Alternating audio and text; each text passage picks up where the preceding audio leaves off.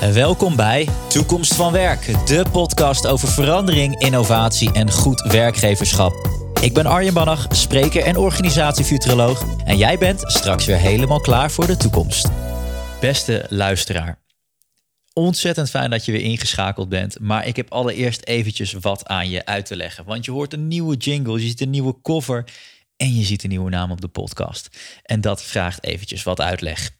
Je luistert nu namelijk naar Toekomst van Werk, waar het voorheen energie aan het werk was. Nou, wat is er aan de hand? Er is even een grote mijlpaal ondertussen geweest. En dat was afgelopen november, toen mijn nieuwe boek Organisatie Vibe uitkwam.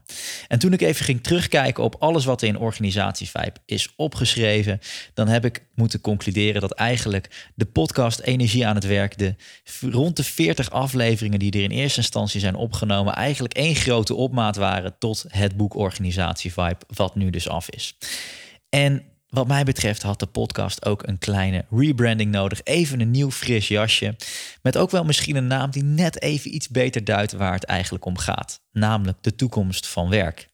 Nou, welke thema's behandelen we daar dan in? Eigenlijk zijn het overkoepelend twee thema's. Enerzijds noem ik dat het inspirerende werkgeverschap. Hoe ga jij bouwen aan een organisatie waar mensen willen zijn in plaats van waar ze moeten zijn? En anderzijds de uitdaging rondom innovatief ondernemerschap. Hoe ga je in de wereld van morgen nog meer waarde leveren met je organisatie? Nou, die twee uitdagingen die stonden misschien in energie aan het werk ook al een beetje centraal, maar dit zijn wel de twee grote pijlers waarin we ons met de podcast Toekomst van Werk op gaan richten. En wellicht zijn deze zaken ook voor jou interessant. Ik durf in ieder geval te zeggen dat elke organisatie, ongeacht grootte, ongeacht sector, ongeacht levensduur, zich met deze thema's moet gaan bezighouden. En daarom denk ik dat jij ook zeker wat aan deze podcast gaat hebben. En kijkend naar de gasten die de komende maand voorbij gaan komen, kan ik je in ieder geval al zeggen dat worden hele inspirerende interviews. Wat even leuk is om daarbij te vermelden, is dat bij een nieuwe podcast of een nieuw sausje. Uh, misschien ook weer wat nieuwe partners horen. Um, en die heb ik ook gevonden. Allereerst in Management Impact. Het zijn natuurlijk ook management thema's die we gaan bespreken. En uh, zij zijn aangehaakt. Um, zij uh, zijn ook gelieerd aan de uitgeverij van mijn boek. En zij gaan alle podcasts publiceren. Dus op hun platform kan je er naar luisteren. En Great Place to Work gaat ook helpen. zij gaan onder andere de best practice organisaties aanleveren. want die kennen zij natuurlijk als geen ander. Nou, de thema's die zullen dus ongeveer hetzelfde zijn. En wat het leuk is, de podcast kan je nog steeds op je vertrouwde kanalen beluisteren. Namelijk op Spotify. Zoek dan gewoon naar Toekomst van Werk. Bij iTunes ook zoek naar Toekomst van Werk. En hetzelfde geldt voor SoundCloud. Dus waar je ook eigenlijk wil luisteren, je kan overal terecht. En vergeet je daarin ook vooral niet te abonneren. Eh, want dan krijg je even een klein seintje op het moment dat er een nieuwe aflevering voor je klaar staat. Nou, de podcast kan je ook nog eventjes terug bekijken op toekomstvanwerk.nl. Toekomstvanwerk.nl, daar staan alle podcasts. Daar staan ook de linkjes naar de verschillende streamingdiensten waar je de podcast kan luisteren. En niet onbelangrijk, als je daarheen gaat, kan je ook een mini boekje van Organisatie Vibe downloaden. Dus dan kan je vast even een voorproefje krijgen van het boek Organisatie Vibe. Dan genoeg over de podcast, want hopelijk ben je nu helemaal bijgepraat en ook klaar om in 2020, in het nieuwe jaar, weer helemaal geïnspireerd te worden door de inspiratie van de podcast. En ik ben ontzettend blij ook met de eerste gast die ik heb geïnterviewd. Dat heb ik gedaan via de telefoon, want zij is Belgisch en ik heb haar een aantal keer op het podium mogen begroeten. En het is Elke Gerards. En zij is breinexpert, neuropsycholoog, keynote spreker. En zij is een van de mensen die ons ontzettend veel kan vertellen over over de wereld van morgen, de toekomst van werk en wat het eigenlijk doet met ons brein. En zij heeft daar ook twee hele interessante boeken over geschreven. Enerzijds mentaal kapitaal en anderzijds authentieke intelligentie. Over de strijd eigenlijk tussen robot en mens. En dat is natuurlijk best wel interessant. En wie gaat dat nou eigenlijk winnen? Nou, daar gaan we het onder andere over hebben. Ga ik het over hebben in het interview met Elke.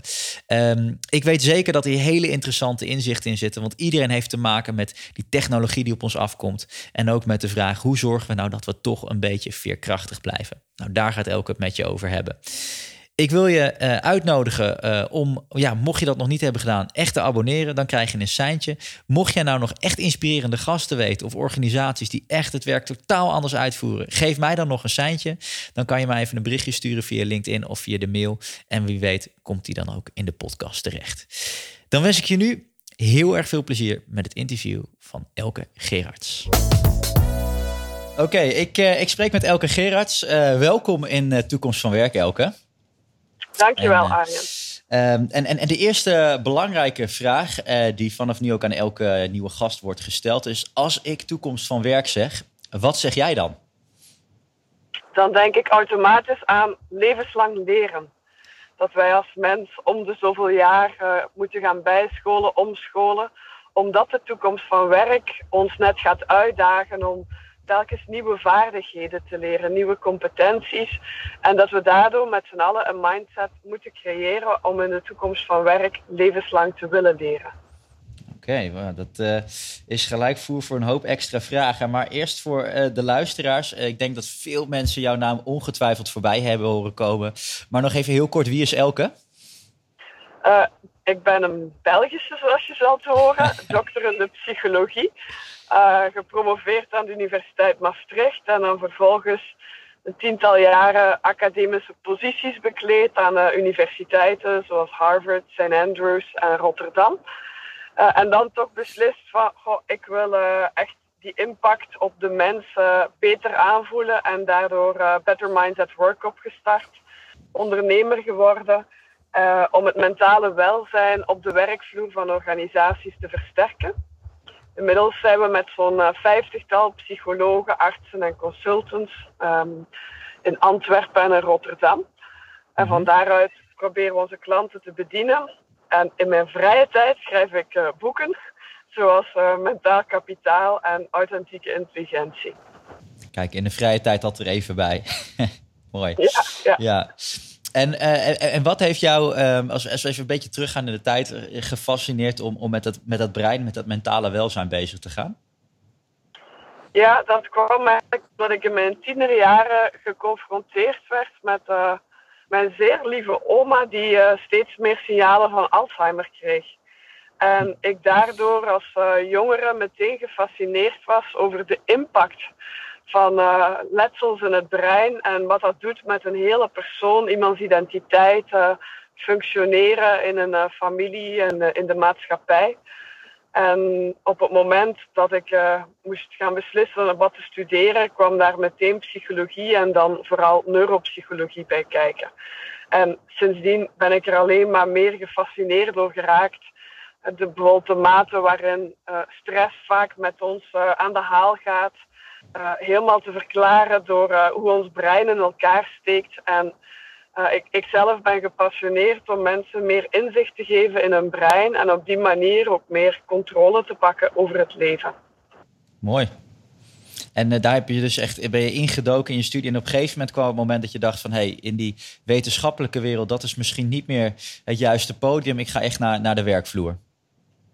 Ja, klopt. Ik had uh, als je in de psychologie een uh, behandeling ontdekt als wetenschapper, dan duurt het vaak een heel aantal jaren alvorens die doorcijpelt in de psychologiepraktijk. Mm En dan heb je natuurlijk als onderzoeker alweer lang nieuwe dingen bedacht. En ik wilde die impact sneller voelen. En dacht, als ik nu uh, ondernemer word, mijn eigen organisatie opstart, dan ga ik die impact sneller kunnen bewerkstelligen. En dat is ook zo, zoals ik er nu op terugkijk, uh, dat dat het effect ook was. Uh, we zijn inmiddels uh, zes jaar bezig met Better Minds at Work. En het is gewoon heel erg prettig om elke dag te kunnen zien dat je mensen kan inspireren over hun brein en dat ze ook hun gedrag gaan aanpassen.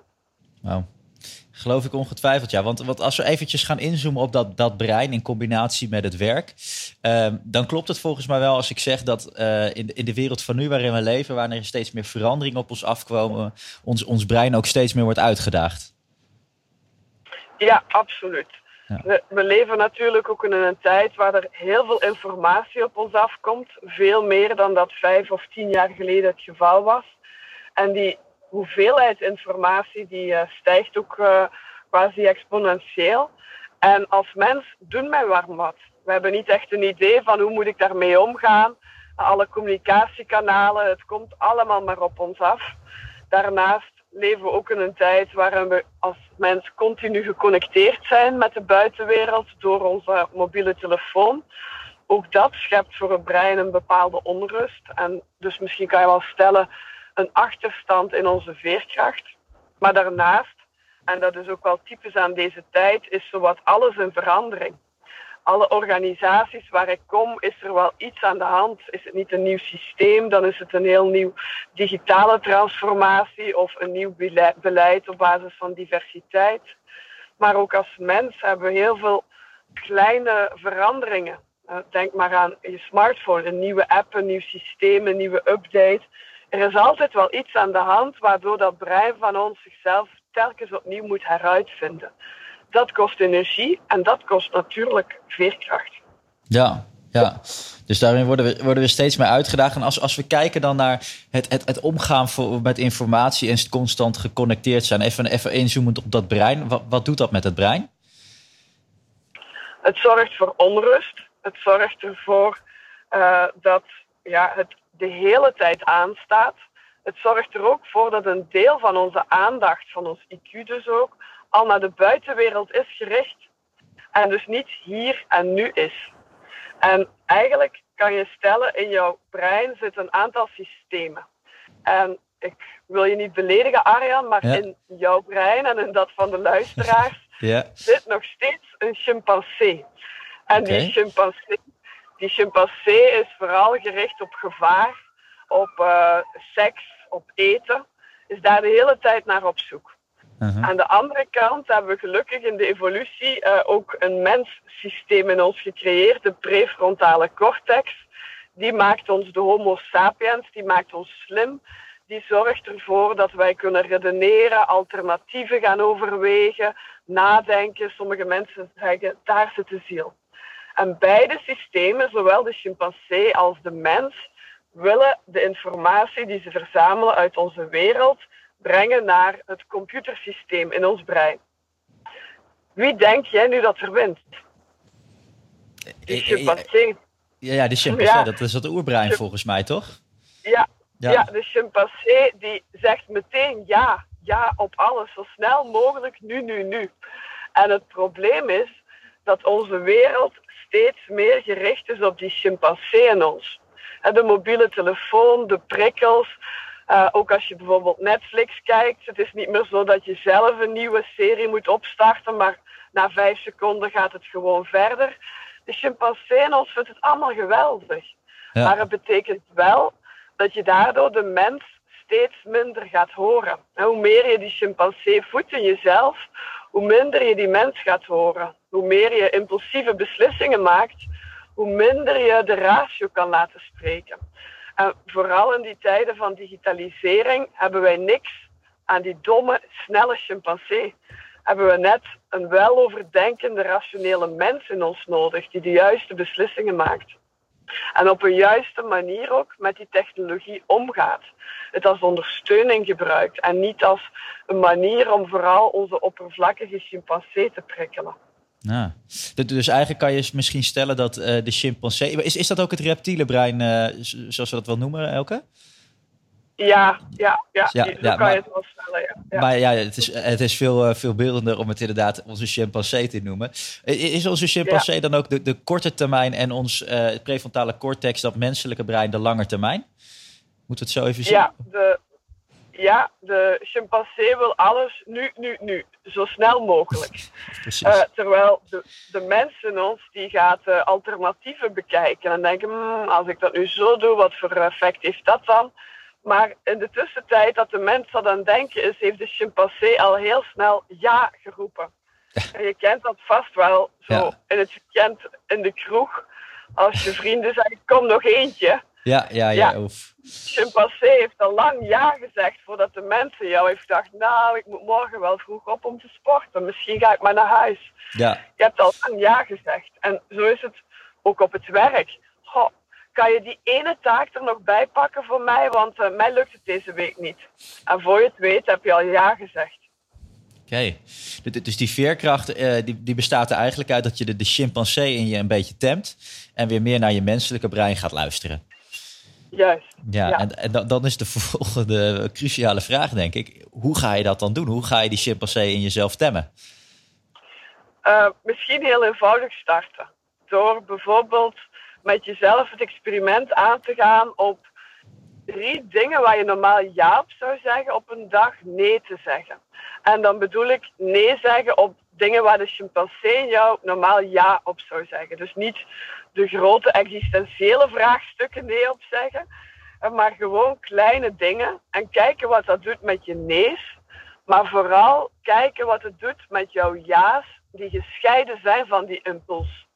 Dus de ja's op je prioriteiten. Ja's op de dingen die echt ertoe doen voor jou. Want daar ga je meer tijd voor over hebben. Ja, en, en, dat is volgens mij ook wel een belangrijk thema. Hè? Dat, wat, wat, je liet het net ook al eventjes vallen. We hebben het ontzettend druk. Uh, en en die, die, die werkdruk die zorgt ervoor dat we steeds minder veerkrachtig volgens mij worden. En uh, dus is dit niet alleen een trucje om je chimpansee te temmen, maar misschien ook om meer tijd voor jezelf te creëren. Absoluut. En de chimpansee houdt ervan om de hele tijd van de ene oppervlakkige prikkel naar de andere te gaan. Maar daardoor komt de mens niet meer tot diepgang en krijg je belangrijke taken niet voldoende effectief uh, uitgevoerd.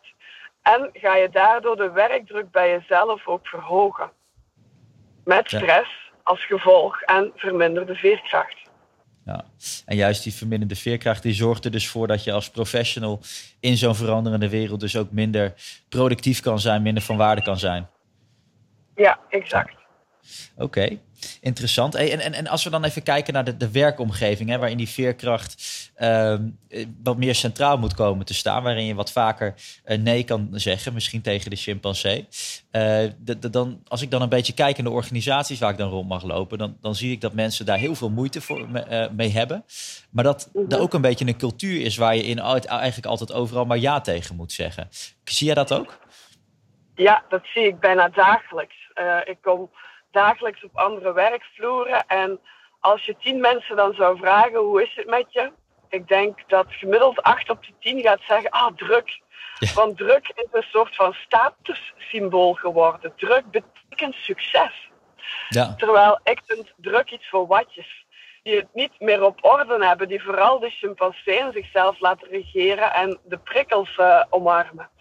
En we moeten terug naar een cultuur waar het op het werk hip is om je te focussen op de belangrijke prioriteiten.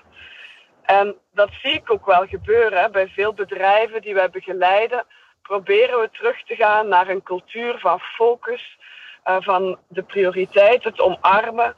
Ook een context te creëren waarin je echt kan gaan voor je ja's en voor de prioriteiten.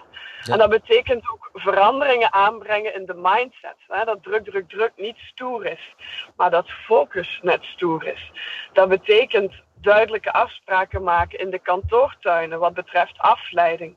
Het betekent ook met elkaar een communicatie-etiketten afspreken. Dat je niet elke minuut via de e-mail of WhatsApp bereikbaar moet zijn voor je collega's. Maar dat je soms ook echt wel een uur of twee uur lang offline kan gaan om helemaal de diepte in te gaan op een taak die ook die diepte van focus vraagt. Oh, mooi. Dus dat, eigenlijk zijn dat al een beetje de omgevingsfactoren in het werk die je heel erg uitdagen. En daar zou je dus juist op deze manier tegenin kunnen gaan. Ja. Ja. En, en, en eh, hoe, hoe wordt dat ontvangen? Want ik kan me voorstellen dat, uh, laten we zeggen, een, een medewerker hier, als hij dit hoort, denkt van ja, dit is eigenlijk precies wat ik nodig heb. Maar dat misschien mensen wat hogerop in een organisatie, een manager, een bestuurder, misschien denkt van ja, hoezo, zo werken we hier, dus doe dat alsjeblieft niet. Of waar bemoei je hiermee? Uh, ja, die reacties krijg ik soms wel, maar de meeste managers die ik spreek, zijn inmiddels al lang geconfronteerd met de cijfers in hun bedrijf van stress, absenteïsme, klachten van burn-out, uh, klachten over de hoge werkdruk, uh, inefficiëntie van de medewerkers. Dus inmiddels denk ik dat managers wel voldoende gesensibiliseerd zijn om actie te nemen rond het mentale welzijn. En zie ik de afgelopen jaren steeds meer een openheid ontstaan om daar echt mee aan de slag te gaan. En ook drastische veranderingen toe te laten op die werkvloer om zo met z'n allen terug te gaan naar een, een cultuur waar een focus belangrijk is, maar waar daardoor ook de energie en de veerkracht van zo'n heel team ontzettend kan versterkt worden. Wauw. En, en, wat mij dan nog eventjes uh, prikkelt, is dat, dat hè, als ik dit nu hoor van hè, inderdaad bijvoorbeeld drie keer nee zeggen tegen die chimpansee, dan denk ik ja, fantastisch. En ik ga dit vandaag en morgen gelijk toepassen. Mhm. Alleen dan ga ik eventjes eerlijk zijn tegen mezelf. En dan denk ik van ja, maar dan zou het zomaar kunnen dat maandag een nieuwe week aanbreekt. En dat ik het dan weer vergeet. En dat je dan toch weer in de waan van die dag door de werkdruk, door de veranderingen wordt opgeslokt. Hoe zorg je dat je dat ook met elkaar in een organisatie of in een team dit soort dingen op de agenda blijft houden, dat je het blijft doen? Ja, sowieso het benoemen. Het misschien ook uh, fun maken. Het zijn vaak uh, kleine dingen die ervoor zorgen dat, dat het blijft leven op de werkvloer. Ik uh, vergelijk ons brein vaak met een jungle. Nou, we hebben miljoenen hersencellen in ons brein en een aantal paden. zowat 85.000 kilometer paden tussen al die hersencellen. Maar sommige van die paden zijn heel breed, heel sterk, onze gewoontes. En die blijven we doen. En je kan soms wel iets nieuws willen leren, zoals inderdaad deze week drie keer nee zeggen. Maar volgende week ben je door de drukte van de dag misschien vergeten en ga je meteen terugslibben naar dat dikke, sterke pad. En ik noem het dan, om iets nieuws te leren, moet je door je jungle leren hakken en volhouden. En dat betekent dat als wij als mensen een doel zetten, vaak willen wij dan meteen naar dat doel toe. Recht vooruit, springen er naartoe. En het is belangrijk om daarmee te stoppen.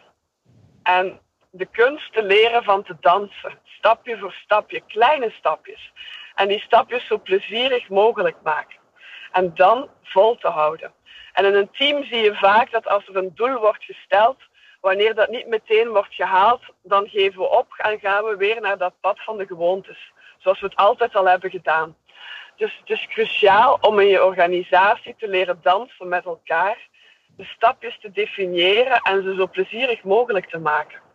En dus bedenk in jouw team van wat kan er nu leuk zijn, hoe kunnen we dat uh, met z'n allen volhouden en telkens daarin verder doorgroeien. Nou, dat is, dat is eigenlijk de, de, de, grote sprong inderdaad opknippen in kleine stapjes en ook successen vieren. Dat is natuurlijk ook iets wat gelijk weer een beetje bijdraagt aan dat werkgeluk volgens mij. Absoluut. Dat, dat klinkt erg, uh, erg leuk om te doen. Hey, en, en, en wanneer heb je nou uh, door, hè, als je rondom het thema veerkracht kijkt, wanneer heb je nou door dat je inderdaad ook echt veerkrachtig bent op het werk? Wat merk je dan? Ja, dat je goed kan omgaan met stressvolle uitdagingen dat de oermens als het ware niet de hele tijd met je aan de haal gaat.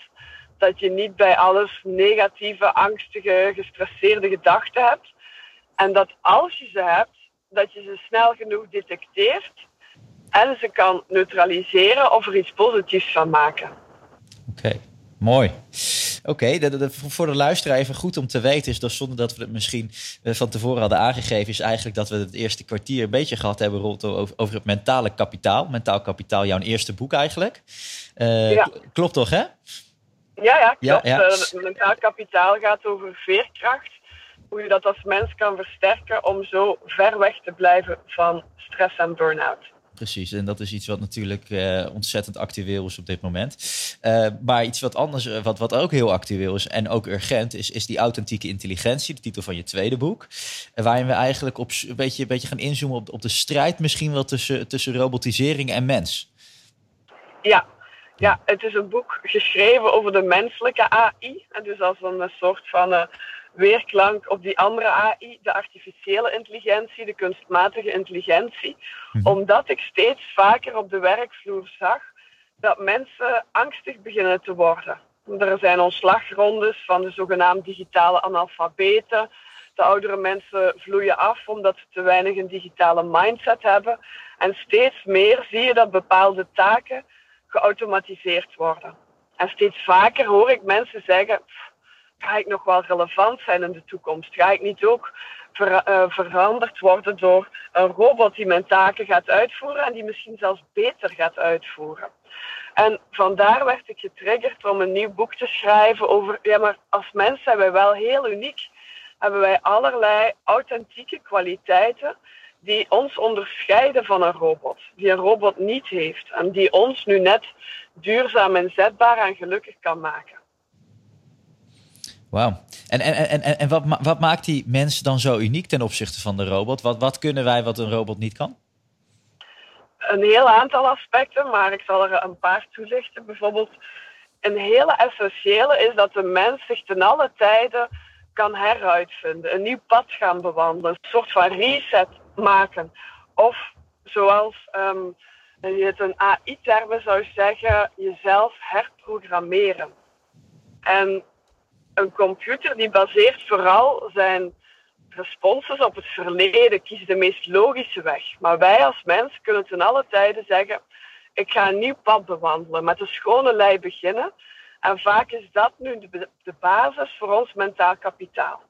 Ja, wow. Een andere unieke kwaliteit is dat wij als mens puur op basis van onze wilskracht onze impulsen kunnen beheersen.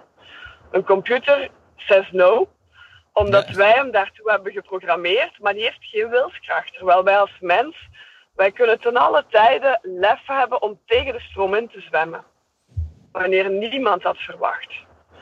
Uh, iets totaal anders, maar ook uniek menselijk is ons vermogen om te verbeelden, te fantaseren, te creëren.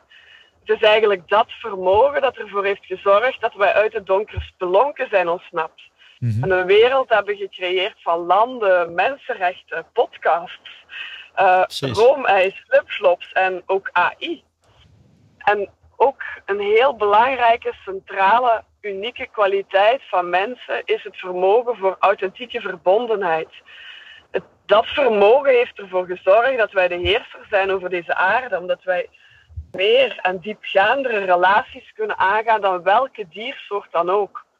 En misschien lijkt het wel alsof we steeds meer van elkaar vervreemden. Het potentieel zit er nog steeds in ons. Wij als mens kunnen heel veel empathie aan de dag leggen als we dat willen.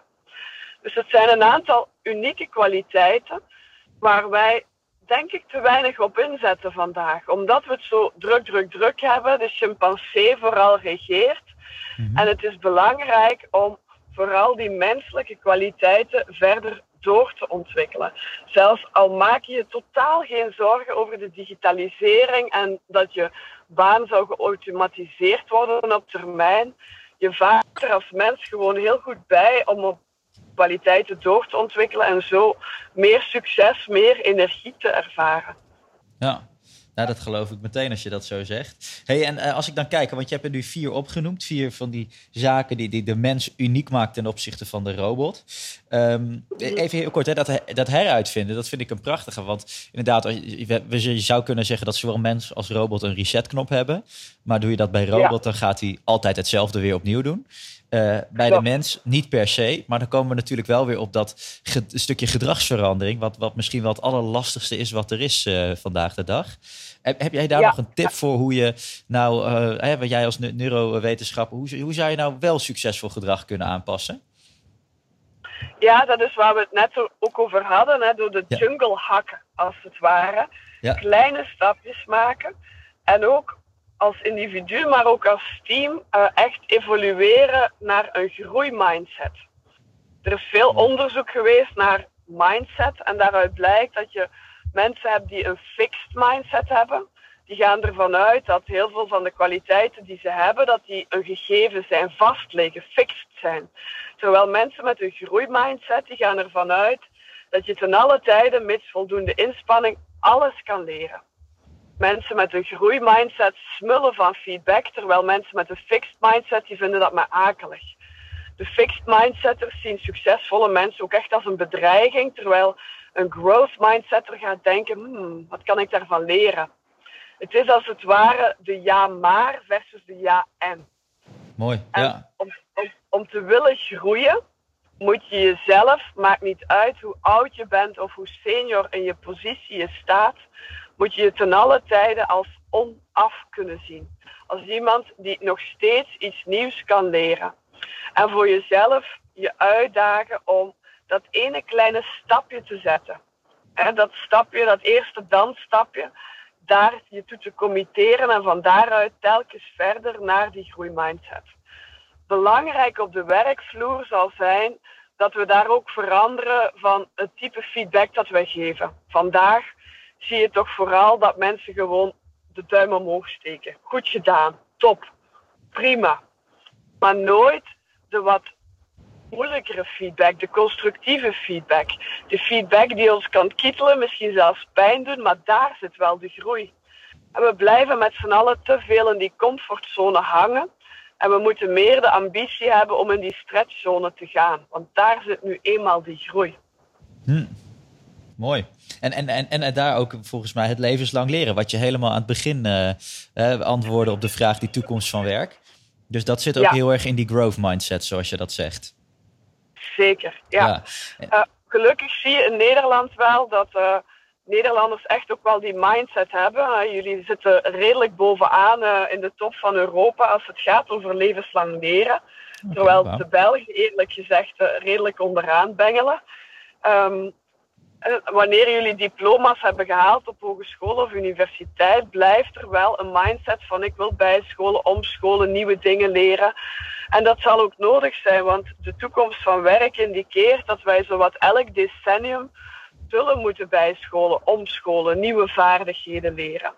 Recent was er in Nederland ook een eh, denktank uh, met de naam Denkwerk.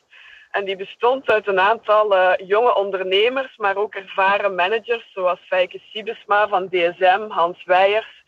En de belangrijkste conclusie was ook weg met het permanente contract. Want het zet mensen in een comfortabele ja, houding, waarbij je het gevoel hebt, ja, ik zit hier prima gebeiteld tot mijn pensioen. Ja. Maar uiteindelijk gaat het niet meer om dat diploma dat we haalden in ons begin twintiger jaren, maar gaat het om de vaardigheden die je kan tonen, maar vooral dat je kan tonen dat je nieuwe vaardigheden wilt leren en een mindset hebt om te blijven groeien. Dus dat levenslang leren, dat is iets dat gewoon in ons DNA zou moeten komen te zitten de komende jaren, ook bij de jongeren, dat het echt een evidentie wordt om daar al op in te zetten van jongs af aan. Ja, Oh, mooi. En ik denk ook inderdaad dat dat, uh, dat, dat hard nodig is. Uh, erg belangrijk is om, om te zorgen dat je de strijd van de, van de robot gaat winnen. Um, nou, nou nog, nog een paar andere zaken. We hebben het nu even gehad over dat heruitvinden. Dat impulsen beheren. Dat is volgens mij die, die chimpansee in jezelf temmen, toch? Ja, klopt ja. inderdaad. Helemaal uh, zo. Ja. En, uh, en dat, het fantaseren, want dat is natuurlijk inderdaad ook iets, iets mensunieks. Um, en, en, en nou, als ik dan daar eventjes over nadenk, dan kan ik een aantal mensen herinneren in mijn netwerk waarvan ik denk, ja, dat zijn echt mensen die bezig zijn met het inbeelden van hoe wil ik dat bepaalde zaken zijn. Maar een aantal mensen houden zich hier ook totaal niet mee bezig. Hoe stimuleer je die, dat, die fantasie een beetje onder je collega's? Ja, door uh, in de eerste plaats te vertellen dat creativiteit geen persoonlijkheidskenmerk is, maar een werkwoord. Creativiteit zit in elk brein. En pas recent, in 2017, kwam dat echt naar voren. Op dat moment uh, waren Harvard-onderzoekers bezig om een 170-tal creatievelingen in de scanner te leggen en hen te observeren tijdens hun creatief proces. En ineens was ze daar. Voor het allereerst toonden ze zich aan de wereld, creativiteit. En niet als de rechter hersenhelft die ineens uh, begint uh, op te blinken. Want dat is echt een fabel uh, waarvan we denken rechter hersenhelft is creativiteit. Maar nee, de resultaten toonden dat een heel netwerk werd geactiveerd van verschillende hersengebieden. En wat blijkt nu, je kan dat vergelijken als, zo, alsof de sluizen opengaan. En dat kan in ieders brein. Je moet alleen het moment vinden dat je die knop voor jezelf kan indrukken. Het probleem, Arjen, is dat vandaag wij niet met die knop bezig zijn. Want het betekent dat de chimpansee even zou gedempt moeten worden. Want de hmm. mens is creatief. De mens kan uh, uh, fantastische ideeën bedenken. Dus het betekent meer met z'n allen gaan lummelen. Even niks doen. Dagdromen. En dus we ver weg van prikkels. En je kent dat wel, zo'n moment waarop je even als het ware breindood bent. En ineens, boom, daar is het. De out-of-the-box idee, de halleluja, de eureka. Dat soort momenten kunnen we allemaal zelf creëren. Maar dat betekent dat we soms ook echt prikkelvrije, vrije tijd moeten inlassen. Want zeg u zelf, hoe vaak verwonderen wij ons nog over wat er in ons brein gebeurt? Hebben wij gedacht als, wauw, wat, wat ben ik verbaasd door de creatieve ideeën die ineens in mijn brein ontstaan. Ja. Dat kan niet, want elke vrije tijd uh, vullen we met prikkels van sociale media en media en de chimpansee in ons vindt het fantastisch. Dus we blijven het doen. Want korte termijn zijn we helemaal voldaan. Maar op lange termijn werken we niet aan de competenties die in de toekomst alleen maar belangrijker gaan worden. Precies. Wauw, oké. Dus eigenlijk is fantaseren eh, eh, bijna eenvoudig gezegd gewoon uh, lummeltijd voor jezelf gaan creëren. En eigenlijk met elkaar. En dus ook een cultuur in je organisatie bouwen waarin het eigenlijk geoorloofd is om af en toe eventjes niks te doen. Juist. Als je vandaag een werkgever vraagt, wat is je belangrijkste bezit in je organisatie? Dan zal hij of zij het vooral hebben over mijn diensten, mijn producten, mijn resources, uh, mijn politiek netwerk. Maar eigenlijk een bedrijf dat krachtig wil zijn in de toekomst, het belangrijkste bezit daar zal zijn het creatief kapitaal. Want uiteindelijk gaat elke concurrent in jouw sector alle technologische upgrades hebben gedaan die je maar kan bedenken. En dan blijft het personeel over de mensen die kunnen innoveren, problemen oplossen, verbeelden, nieuwe dingen bedenken. Dat zijn de mensen, het creatief kapitaal, die ervoor zal zorgen dat jij je omzet kan behalen. En dat jij de koploper kan zijn in je sector. Maar dat vergt wel ook een mindset van het management dat er veel meer moet ingezet worden op die creativiteit op de werkvloer. Nou, Mooi. En, en, en, en tot slot de laatste dan nog, de, de, de, de verbondenheid uh, die, die je noemde. Dat is natuurlijk ook iets wat, wat, wat, wat uniek is. Hoe komt dat terug op het werk? Ja, uh, ik maak daar vaak uh, de vergelijking van een team versus een stam. Als je, ik, ik, ben zelf bijvoorbeeld heel erg fan van Jimmy Nelson, een Britse fotograaf die in Amsterdam woont die adembenemende beelden heeft gemaakt van stammen over de hele wereld. Je ziet bij die stammen telkens een hele authentieke verbondenheid. Daar zit een heel duidelijke communicatie, daar zit vertrouwen, daar zit een heel duidelijke identiteit bij die hele stam. Als je de vergelijking trekt met het werk, dan zie je daar teams. En teams kunnen wel roepen: Together we achieve more. Maar wanneer een team door verandering gaat, dan zie ik stevast barsten ontstaan. Het begint te kraken, want een team is niet flexibel. Een team nou ja, is gezet op een bepaalde manier, in een bepaalde context, in een bepaalde situatie. Maar wanneer er verandering is, en dat is bijna evident in deze tijd, dan zie je dat teams beginnen ja, te kraken, dat er uh, gedoe ontstaat. Uh, ik merk het omdat we dan als organisatie vaak worden ingeroepen en dan proberen wij om een team een aantal van de kwaliteiten van een stam te leren ervaren. Meer vertrouwen, uh, duidelijke communicatie met elkaar, uh, duidelijke identiteit, een, een set van gemeenschappelijke waarden die je naar elkaar communiceert, maar ook naar je klanten. Het is pas wanneer je je klanten kan inspireren met jouw gezamenlijke waarden, dat je kan vertrouwen creëren dat je authentieke verbondenheid kan creëren. Dus het is belangrijk om op de werkvloer zo'n aantal van die kwaliteiten van een stam eens wat verder te gaan doorontwikkelen. Wauw. Mooi. Dat, uh, dat, klinkt, uh, dat klinkt heel erg logisch eigenlijk wat je vertelt. Hè? Want, als, als ik het heb over die waarden, dan, uh, dan zie je bij heel veel organisaties dat, dat de kernwaarden die zijn opgesteld eigenlijk niks meer zijn dan een paar loze kreten op de website of ergens op de muur gekalkt. en dan vraag je dan, komt dit, waar blijkt het nou uit dat dit een waarde is? En, en dan volgt er helemaal niks. En dan zeg je ook als je zorgt dat die waarden nou veel meer geladen zijn, met misschien wel rituelen, zoals ze dat volgens mij bij die stammen ook hebben, dan zorg je echt voor die verbondenheid tussen die mensen. Ja, en dan ga je het ook voelen. Er gaat veel meer uh, overlap zijn tussen het DNA van de organisatie en van de teams, of zelfs de stammen, uh, waardoor er veel meer synchroniciteit ontstaat en daaruit ontstaat uiteraard heel veel energie, vertrouwen, verbondenheid. Mooi. En, uh, en mogen we dan ook, uh, als we dan kijken naar dat heruitvinden, uh, het herprogrammeren van de mensen, het impulsen beheren, het fantaseren wat wij kunnen en die verbondenheid, mogen we dan ook stellen dat wij mensen altijd van waarde zullen blijven zijn als het gaat om werk? Ja, daar ben ik heel positief over. cijfers tonen natuurlijk wel dat tegen 2030 een derde van onze banen zal worden uitgevoerd door robots. Maar het positieve is dat er minstens evenveel nieuwe banen zullen bijkomen. Maar wel banen waarvan wij nu nog niet weten wat die gaan zijn. Stel, je zou uh, tien jaar geleden hebben gezegd dat een deel van jouw baan bestaat uit het maken van podcasts, dan had je eens mhm. goed gelachen. we hadden daar geen idee van. Ja. Dus er gaan heel veel banen aankomen waarvan we nu nog niet weten wat ze zijn.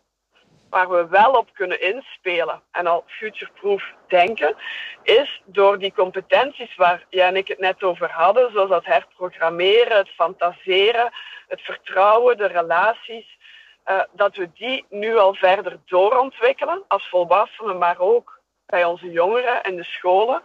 En dat je daarmee alle competenties al in huis hebt om die nieuwe banen te kunnen gaan invullen. Want het gaan banen zijn die een robot niet kan. Dat betekent dus dat het uniek menselijke banen gaan zijn. Dus dan vaar je er wel bij om nu alvast proactief die competenties verder door te ontwikkelen. Precies. Dus werk aan de winkel eigenlijk voor, uh, voor iedereen die aan het werk is. En ja, dat maakt hem eigenlijk weer rond een leven lang leren. Uh, Heb ik tot slot nog twee korte vragen aan jou, uh, Elke. Uh, en de eerste heeft eigenlijk te maken met als je nou kijkt naar jouw vakgebied of iets wat jou heeft geïnspireerd. Heb jij een tip voor ons, iets wat je moet lezen, moet kijken of moet luisteren? Waar je zegt, dat heeft mij in ieder geval geïnspireerd. Ga dat ook eens bekijken, luisteren, horen. Eh, ja, heel recent. Um, Brene Brown professor die uh, veel onderzoek heeft gedaan naar uh, kwetsbaarheid, schaamte. En op een hele authentieke wijze recent een, een keynote lezing heeft gegeven die op Netflix te zien is. Hm.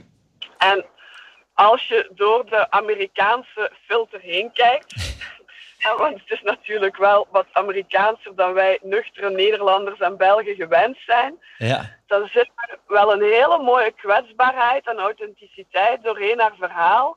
Dat mij op sommige momenten wel echt kippenvel bezorgde en mij inspireerde om, om met die authentieke verbondenheid nog meer aan de slag te gaan. Door ja, te durven die kwetsbaarheid in het leven thuis, maar ook op het werk, nog net ietsje meer te tonen.